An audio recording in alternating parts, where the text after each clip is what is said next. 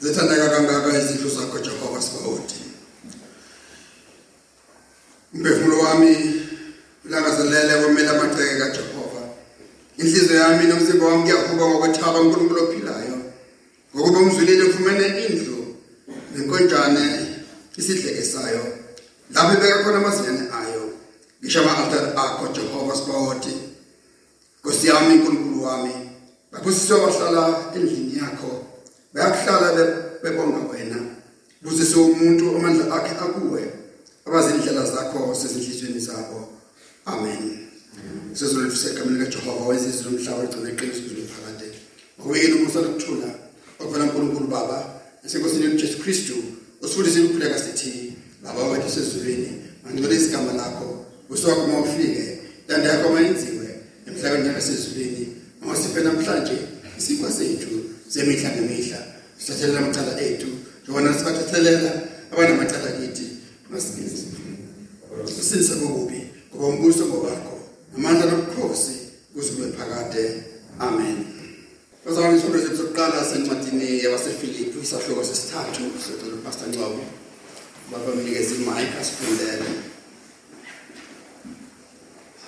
Fundo sethu sokuqala sencwadini yabaseFilipi yomphostoli Paul sifunda kusukela evesini lokuqala sime evesini leshumi elinane Philippians chapter 2 chapter 3 verse 1 verse 1 to 14 Philippians chapter 3 verse 1 to 14 kufundeka kanje. Elokugcina bazalwane bami thokozani enkosini. Ukunilobela ukunilobela khona lokho angikwenqini. Kepha mina uyanigcina. Xayani izinja, nixwaye izisebenzi ezimbi. Nixwaye abokusika ngokuba singukusoka thina esikhonza ngomoya kaNkuluNkulu sizibonga uKristu Jesu singethembi enyameni nakuba nami bengingaba nokwethemba enyameni uma omunye umuntu ecabanga ukuthi unokwethemba enyameni mina kakhulu.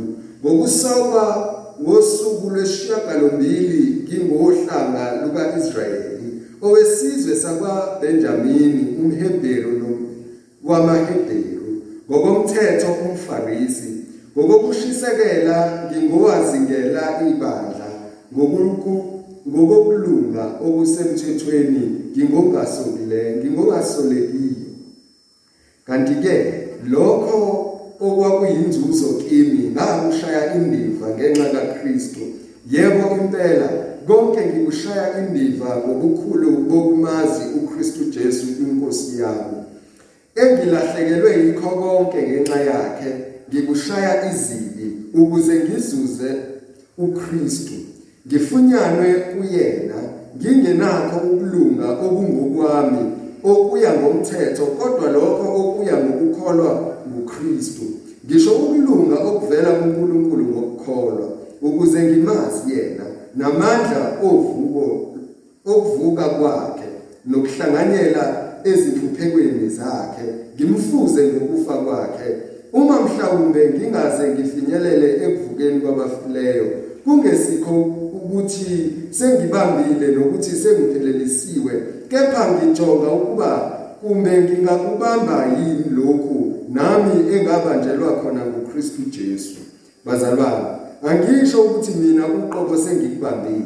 Kepha kunye engikwenzayo ngikhohlwa okungasemuva ngizelulela okungaphambili ngijonge emgomeni emkhomelweni wokubizwa okukhulu kwaphezulu uNkulunkulu kuJesu Kristu. Amen. Somkholo wethu ngamazwi ayishumi nambili Sithi ngiyakholwa uNkulunkulu uyise usomandla umdali wezulu nomhlaba nakuJesu Kristu indodana yakhe ezalwa yodwa inkosi yethu. Wamkelwa kumoya ingcwele wazalwa intombi Maria wahlupheka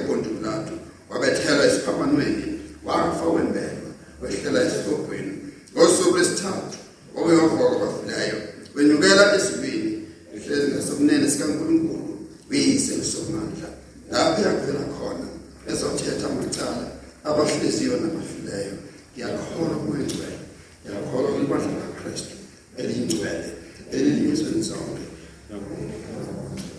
ngiyakholwa ukuthethela kwezono nakubo ukuvuka umzimba nakubo ukuphila okuphakade amen.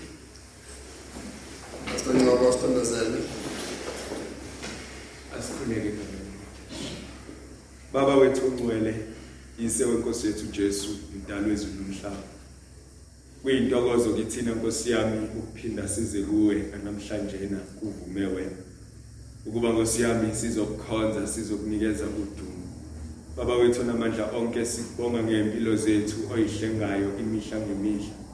Sikubonga ngoqobo lethu Nkosi yami olisindisayo insuku zonke. Ziningi baba izinto ezihlasela imizimba yethu kodwa wena ngamandla akho amakhulu uyasiphumelelisa uyasivikela uyasithwala.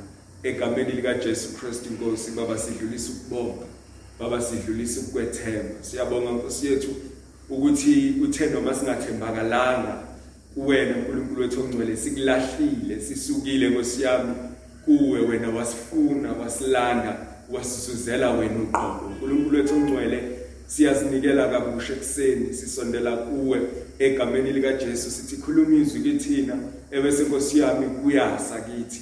Egameni lika Jesu Kristu Nkosi yethu khuluma izwi kithina ebese indlela yethu iyaqonda. Egameni lika Jesu khuluma izwi kithina ebese kuthi lokuxakaniseka esibhekene nako uNkulunkulu wethu ongcwele uyasuka kuqonde egameni lika Jesu Kristu Nkosi. Baba siyathandaza. Egameni lika Jesu Kristu Nkosi yethu khuluma izwi uNkulunkulu wethu namandla onke ngalo. Uqaqe Nkosi yami izibopho. Egameni lika Jesu uqaqe Nkosi yami amakhesi. Egameni lika Jesu ulungise isizwe sethu. Ulungise umhlaba wethu ulungise amakhaya ethu ulungise Nkosi yami amabandla ethu. Khuluma izwi kithina Nkosi yami? Bese siyalibamba silenze. Egameni lika Jesu Kristu Nkosi sibusise Nkosi yami ngamunye ngamunye ebese Nkosi yami uba nabagulayo. Egameni lika Jesu ubapholise uNkulunkulu wethu ongcwele ubapha ukuphila egameni lika Jesu siyakhumbula ngalesikhathi abaseyibhedlela baba wethu namandla onke ubaphe Nkosi yami ukusinda abanye Nkosi yami usizo Nkosi yami selizela phela lutho ongcwele nethemba lilahliwe.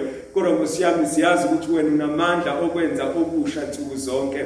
Dala Nkosi yami impilo entsha kwesibaphelela egameni lika Jesu ebese siyabuya siyakhonza sethi uNkulunkulu kwenzile lokho thatha udumo nangalesi sikhathi ngoJesu Kristu inkosi yethu. Amen. Siyabonga ngoba kula maBhayibheli ethu encwadini kaJeremiya Uprofeti uJeremiya sahluko sokuqala Profeti uJeremiya isahluko sokuqala.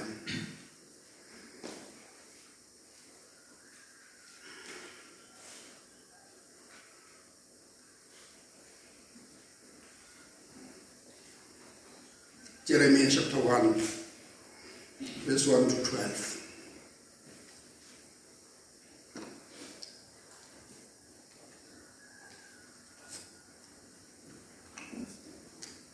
yini serious kakhulu yini kungabi khona chorus nje Jeremiah chapter 1 verse 1 to 12 sesitholile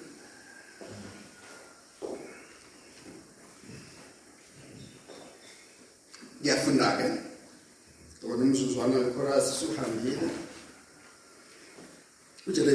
umprofeti olandela uIsaya omunye wabaprofeti abakhulu. Emva kaJeremiya khona incwajana ephakathi kuthiwa isililo emva kwalekho bese kuba ke uHezekeli Daniel njalo njalo. Angifunde ke basalwane abathandekayo enkosini Jesu amazwi kaJeremiya indodana kaHilikiya wabapristi ababase Anatoti ezweni lakaBenjamini okwafika kuye izwi likaJehova ezinsukwini zikaJosiya indodana kaAmoni inkosi yakwaJuda ngonyaka weshumi nantathu okubusa kwakhe lafika futhi ezinsukwini zikaJehoyakim indodana kaJosiya inkosi yakwaJuda konyaka weshumi nanye. kaSedekiya indodana kaJosiya inkosi yakwaJuda kuze kube sekuthunjweni kweJerusalema ngenyanga yesihlanu. Kwafika kimi izwi likaJehova lathi ngingakakubumbi esiswini ngakwazi ungakaphumi esizalweni ngakungcwelisa ngakubeka umprofeti ezizweni. Kepha ngathi awunkosi Jehova beka angikwazi ukukhuluma ngokuba ngingumntwana. Kepha uJehova wathi kimi ukuthi ngingumntwana ngokuba uyakuya kubo bonke engikuthuma kubo nakukho konke engikuyala ngakho ukukukhuluma. Ungesabi. Ngokuba nginawe ukuba ngikophule usho uJehova. uJehova wayeselula isandla sakhe. Wangithinta wathinta umlomo wami. uJehova wathi kimi beka ngibekile amazwi ami emlonyeni wakho. Bona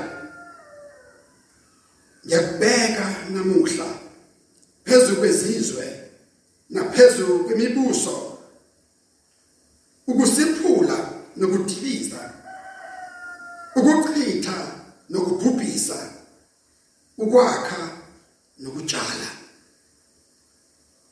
Izwi kaJehova lafika kimi futhi lathi Jeremia ubonani na ngathi ngibona igatsha lomlimondi wayesethi uJehova kimi ubona kahle ngokuba ngiyakulinda ngiyakulinda izwi lami ukuba ngilenze lase lifika kimi izwi kaJehova ngokwesibili lathi ubonani na ngathi ngibona ikhazi elibilayo ubuso balo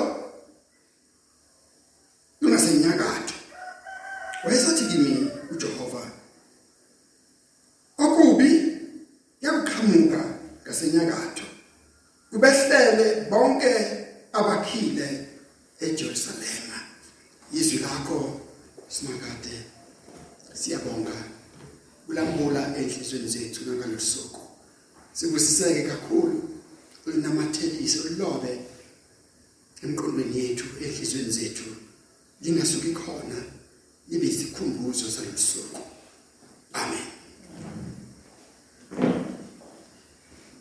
Inibingelela ke nonke bazalwane egameni likaKristu inkosi. Mama umfundisi, Pastor Ncoko, babonise bakhona la. Madikona bakhona.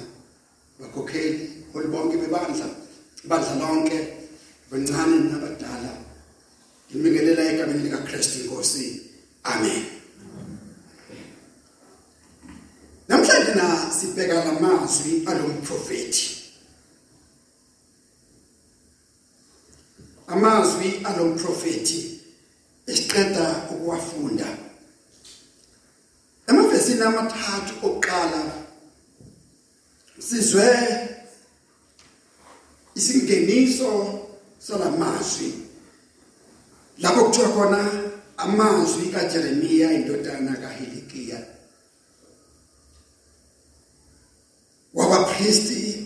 Anadoti ezweni lakaBenjamini. Lokhu nje kugodwa kusikhombisa ukubizwa kwalendoda enguJeremia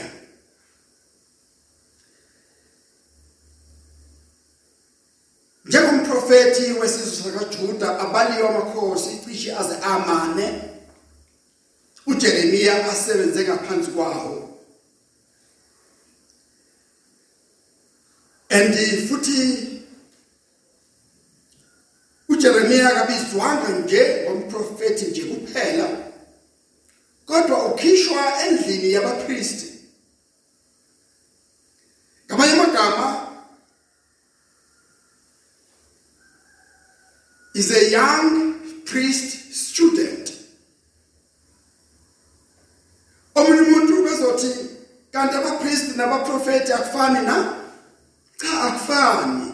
Ngokohlelo lukaIsrayeli ngokohlelo lukaNkuluNkulu eTestamenteni elidala abapriesti abantu abaphuma okhalweni nasozalweni lukaAaroni endlini kaAaroni kuphuma abapriesti kuphume amalevi kuphume the and the chief high priest. Khumbula phela ukuthi ngisho noMosi wayephuma khona kulendlu yakwaLevi. Mhlambe kuhle ngichachise lokho ngoba mangithi baphuma endlini kaAaron ngina ngiyikha phezulu. Khumbula amadodana kaJakobe oSimeon oJosepha oGadi oLevi oJuda oBenjamin njalo njalo. Ngakho abapriesti bonke baphuma endlini yakwaLevi uma sebezalwa endlini yakaLevi bese kuthi ke enzalweni kaAaroni kuphela.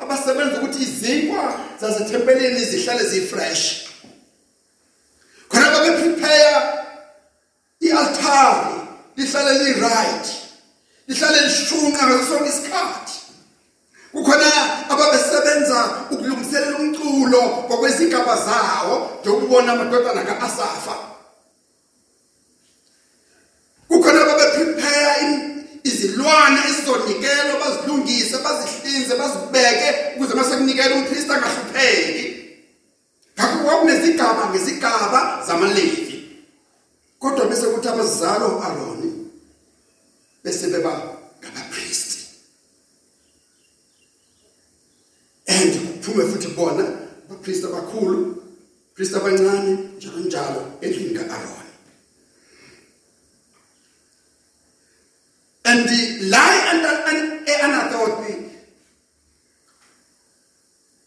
uqisha kufana negarrison yalazi igama lithi garrison iGerasini umuzi la kuhlala khona mhlawumbe ngafanisa kubantu base-Anglican neBishop's Court eCape Town nendawo ithi Bishop's Court bonke ababishop base-Anglican bahlala khona barithayile eAnatoti ke kwakuyiGerasini yabapriesti Gerasin indawo ehlala amasosha aphumule arithayile ibizwa ukuthi iGerasin iyanadodi ke injalo kwindawo yabapriesti and uJeremia uphuma kuleyo ndlu uzalwa kuleyo ndlu ehlele ezimselela umsebenzi wakhe wensuku zonke kufika izwi likaJehova. Malifika izwi likaJehova uthi uJehova ngingakakubumbi esiswini. Ngakwazi. Ngingakubumbi esiswini ngakwazi. Abantu bebiology uma bekhona ozoqonda lokho ukuthi before the conceiveness ukuba uconceive before conceive uNkulunkulu uthi akakwazi mhlawumbe sikadlula futhi simnabe kancane si before uma wakho ashade nobaba wakho uthi uNkulunkulu ngakwazi. Ngaprepare yonke leyo nganishiyethe yonke leyo relationship ukuthi ibe khona ngakwazi. And ibheka le gama lokwazi. Lingaphezulu kokubona. Kungaphezulu kokuthi sihlanganile nawe ngalazi igama lakho kodwa li deep li deep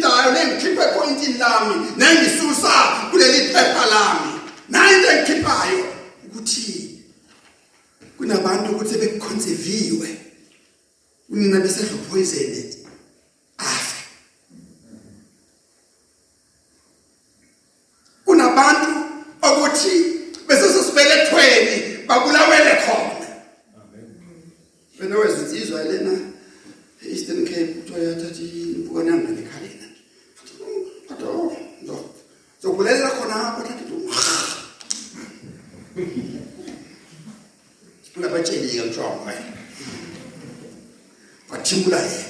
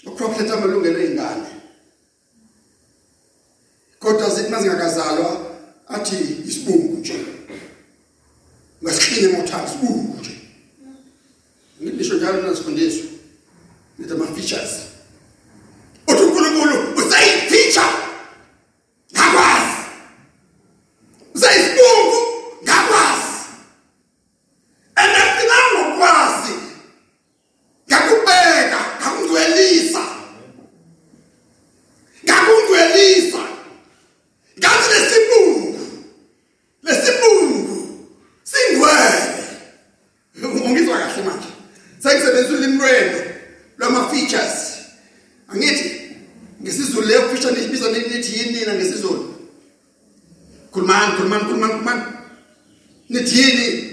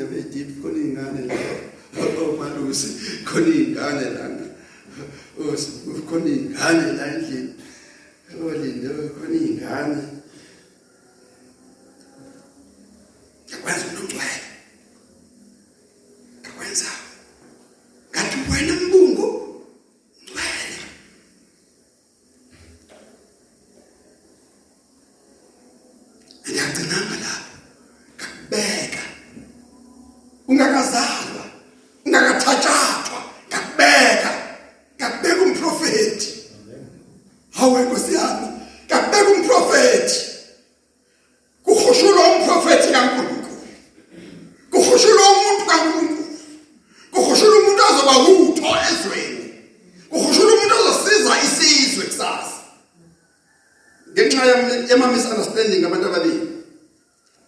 Angiyabo mhlawumbe ngcono ngiphayela mina before umkhushule lethe kumina. Ngoba kusesilutho ukuthi ungasikhiphi isisu kanti futhi unenkinga ukuphatha lo mntwana. Mlethe kwabangenaye khona abangenaye umntwana khona abathandaza usuku nemini befisa umntwana kodwa ngifuna ukusho ngani ukuthi lo mntwana lona lo mntwana lona uthi uNkulunkulu ungakabu ngingakabumbi lalela kahle ukuthi uthini uNkulunkulu ngingakakubumbi okusho ukuthi unesandla nasekubunjweni kwakho esiswini sikamame unesandla nasekubunjweni kwakho ngoba kube ngenasisandla bethola kusahlangana vele kube deformed. Unesandla nasekubunjweni kwakho ukuthi kodwa ke ungakabunjwa ngingakakubumbi esiswini ngakwazi ungakaphumi esizalweni ngakungcwelisa ngakubeka umprofeti not just umprofeti umprofeti wezizwe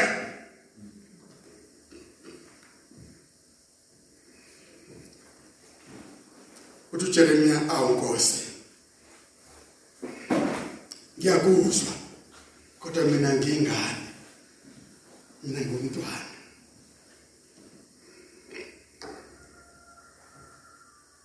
uthi Jehova uthi Jeremia angikwazi ukukhuluma ngokuba ngingumntwana bonke abaprofeti uMose washo njalo ukuthi namalimi Mose ngathi namalimi ngikwazi ukukhuluma namalimi lona uthi uzokhuluma kanjani ngoba ingane and Isaya uthi Isaya uthe mina Nkosi ngeke ngilunge kule calling yakho ngeke ngilunge umlomo wami ubolile umlomo wami ubolile ngihlala nabantu abanemilomo ebolile and akubheke ukukhulela esikomplasi akubheke ukukhulela kubantu benhlamba akubheke ukukhulela kubantu abakhuluma wokudodi uthi Isaya hey ungcolile umlomo ngeke ukwazi ukuphatha indaba zakho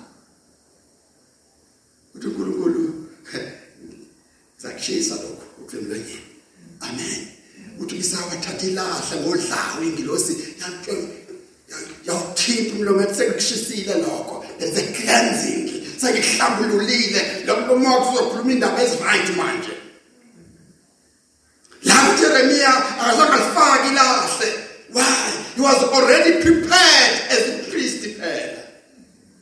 Kuphela umthinta ngesandla emlonyeni uthi sengibekile amazwi ami. Amen. Sengibabekile amazwi ami. Ngesabi ngesabi. Ungasho ukuthi ngingumntwana ngokuba uyakuya kubo bonke engikuthuma kubo. Nakukho konke engikuyala ngakho yakwenza. Ungesabi ukuba nginawe ukukophula usho Jehova wayeselula isandla sakhe. Wathinta umlomo wami. uJehova wathi kimi beka ngibekile amazwi ami emlonyeni wakho. Bona yakubeka namuhla.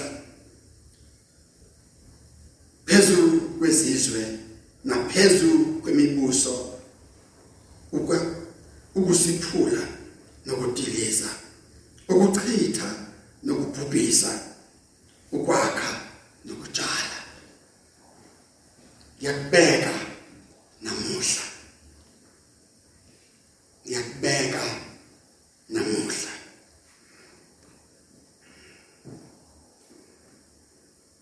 Ayikho i-choice. Ayikho i-choice. Kunikho ukuthi ngokusakudala sekusele bangiphothule ngawe ngithinte ngesandla sami ngibeke i-message yami ngithinte umlomo wakho. Wena namhlanje na is a day of the anointing.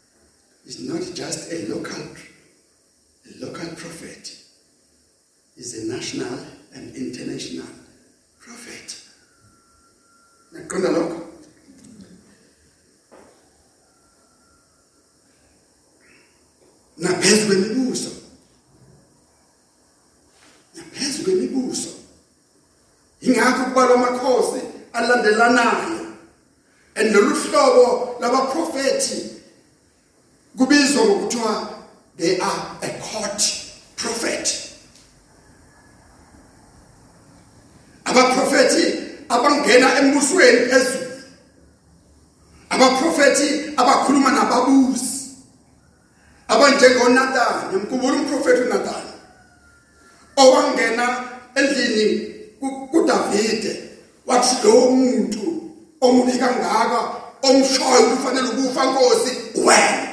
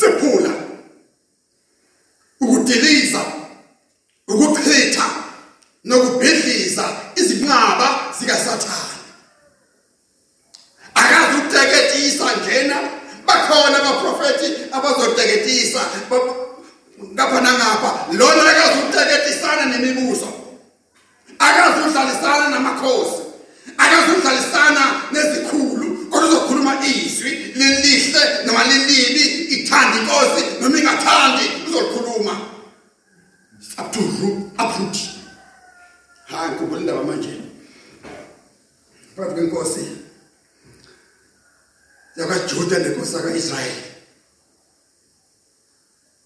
badiscussa into ukuthi bazoyihlela kanjani? Usethi le inkosi yakaJuda ithi hawu wenkosi yakaIsrayeli akasekho nomprofeti la izweni lakho kuba sibuza kuyena before sihlomisa abantu. Uthi uthini uNkulunkulu? Uthi ke inkosi kaIsrayeli ithi hayi ukhona. Alandwele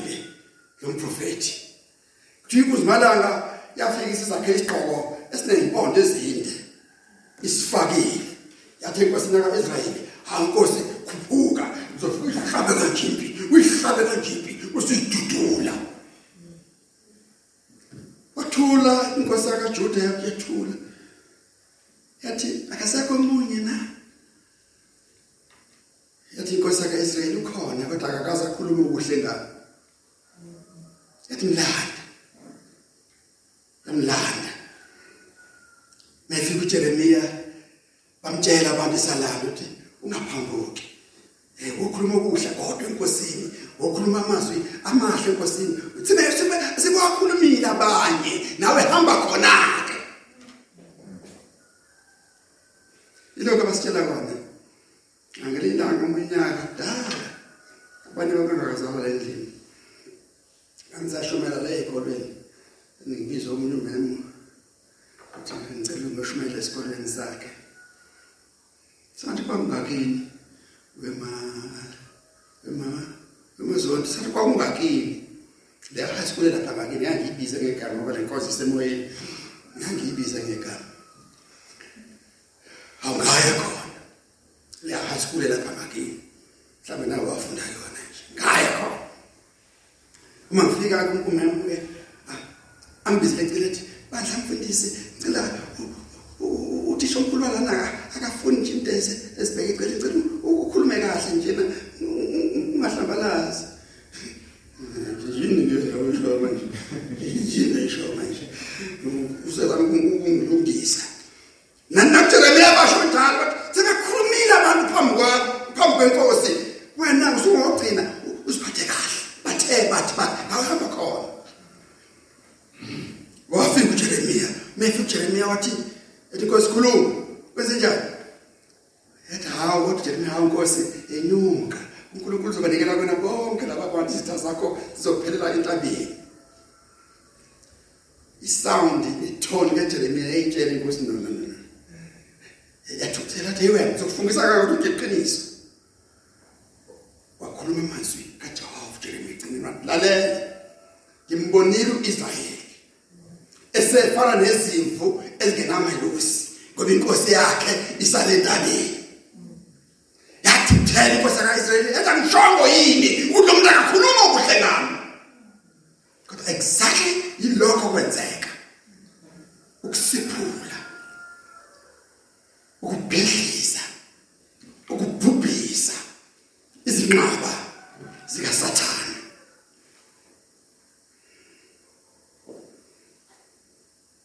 kodwa futhi kukhona nokunye okubekiwe lana ukwakha nokutshala amen he's not just a prophet of doom kodwa futhi uyakha isimilo yatshala ithemba yatshala ukuphila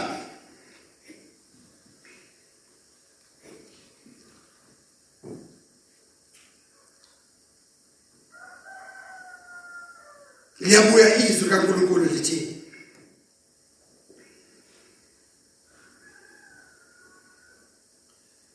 Jeremiya ubonani na uthi ngibona igatsha lomlimondi ngibona igatsha lomlimondi and it seems as if kokulesikhathi sasa spring isikhathi lapho izihlahla ziqhakaza khona izihlahla zibumba khona and zikhombisa ukuthi ihlobo seliseduzane uthi uNkulunkulu uJeremiya ubone kahle ubone kahle ukuba izwi lami ngizolilinda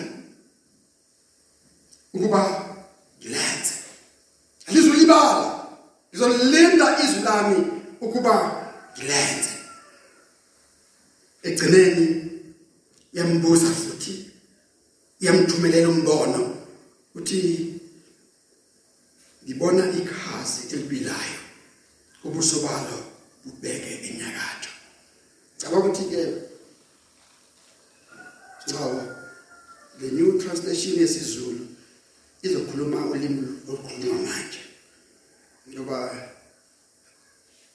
mangikhuluma ngekhazi empila lengane cabona ngisho amakhasi abilayo nomhlaba cabona ngisho amakhazi cha ngisho amakhazi no ikhazi ibhodwe uthi ngibona ibhodwe elibilayo uthi ubone kahle ngokuba okubi. Kuyaqhamuka ngasenyakatho okubi kuyeza qhamuka ngasenyakatho ngisamarayize iqeda indaba yami. Kodwa ngikwazi ukuyiqeda ngokutshelanga i-character kaJeremiya. Uthi uJeremiya njengomprofeti uphethe le ndaba ezinkulu zemibuso indaba zokudikiza nokusephula ngiyakubhubhisa and futhi uphethe ukwakha nokutshala.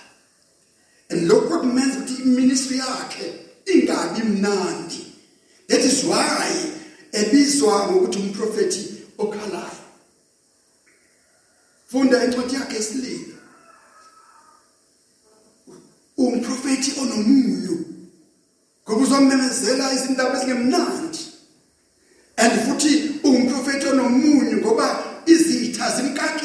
ngapha nangapha kodwa khumbula amazwi okuqala okubizwa kwakhe. Ngingakakwazi. Ungakabunjwa ngakwazi. Ungakabikhona ngakwazi. Nisifundile esifundweni sokuqala amazwi abasefilipi sahlukene sesithathu. Uthini umbhali khona? Uthi upawula ngobukhulu bokumazi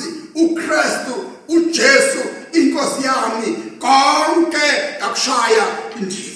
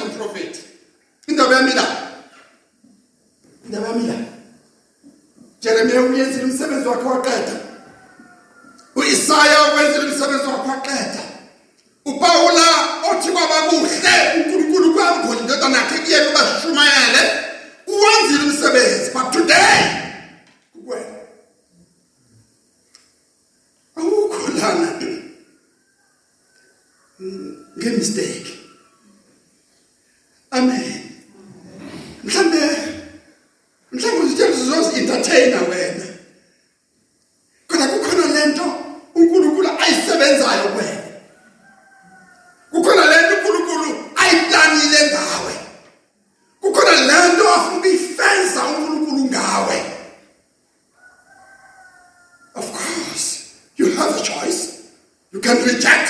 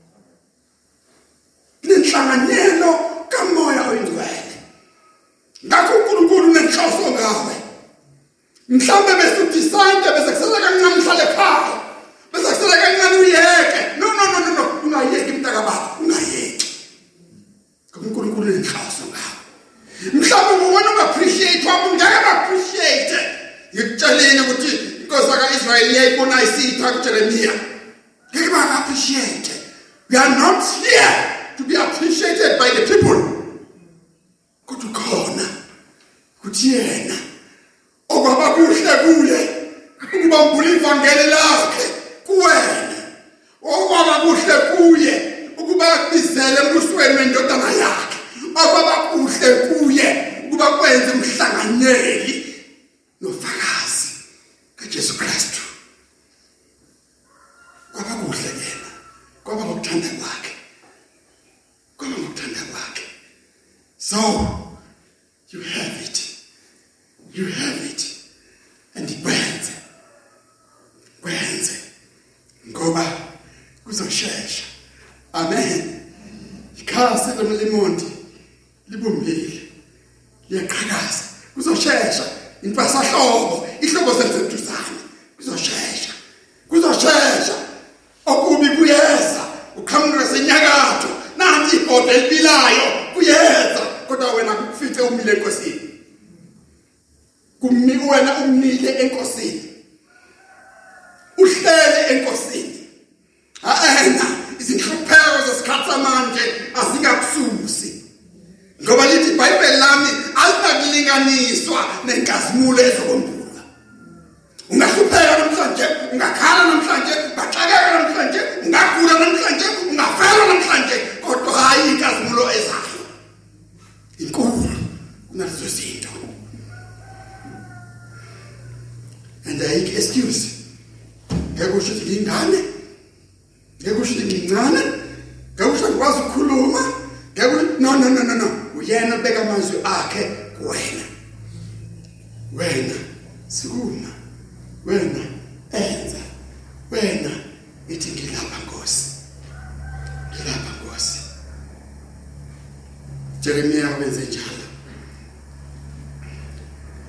Isaya wenze njalo Moses wenze njalo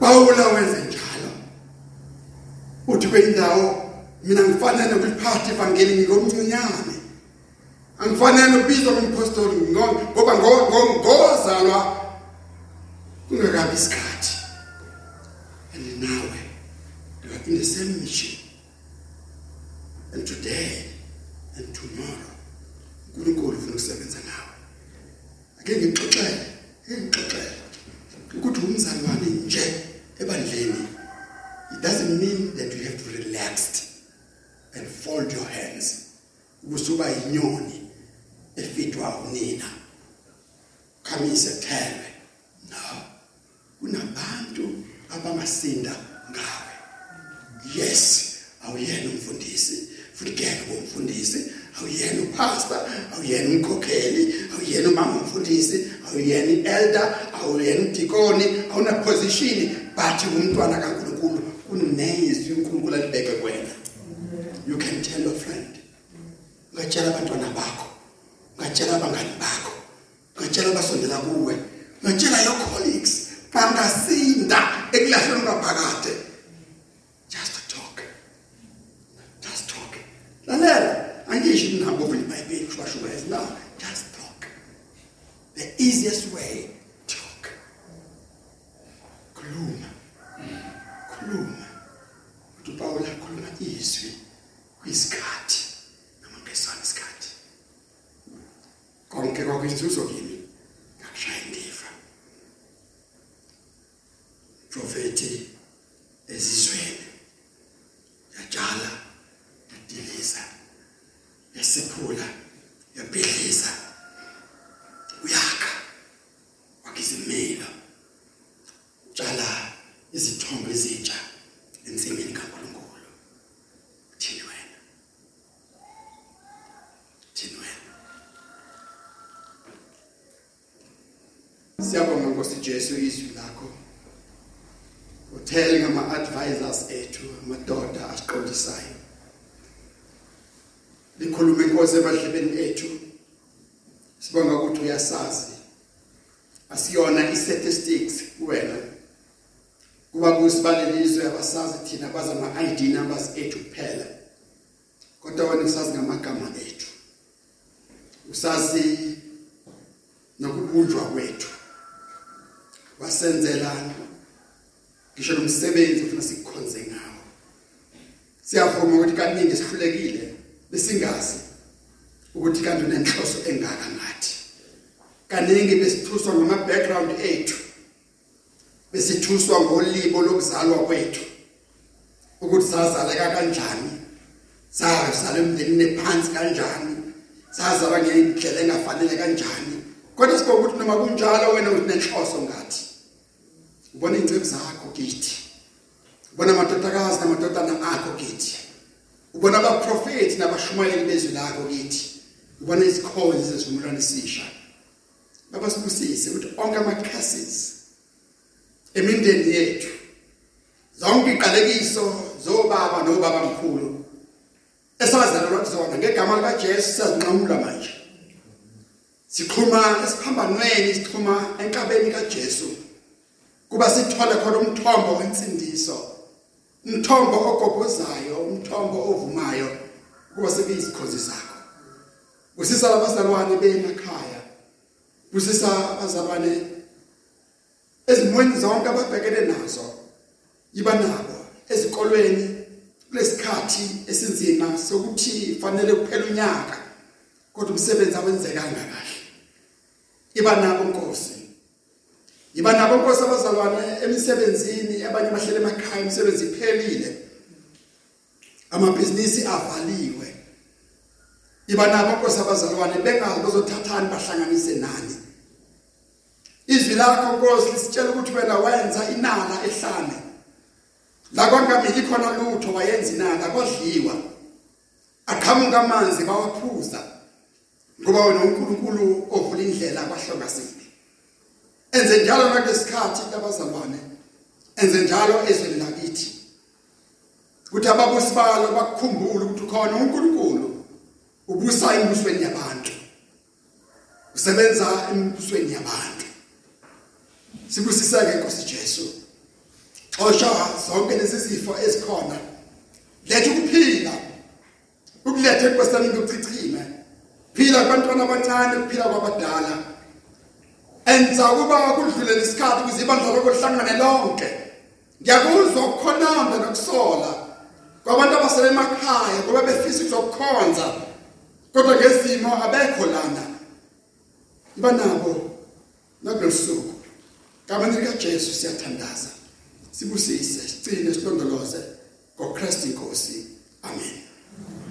Simike izinyawo sisamukela uMusa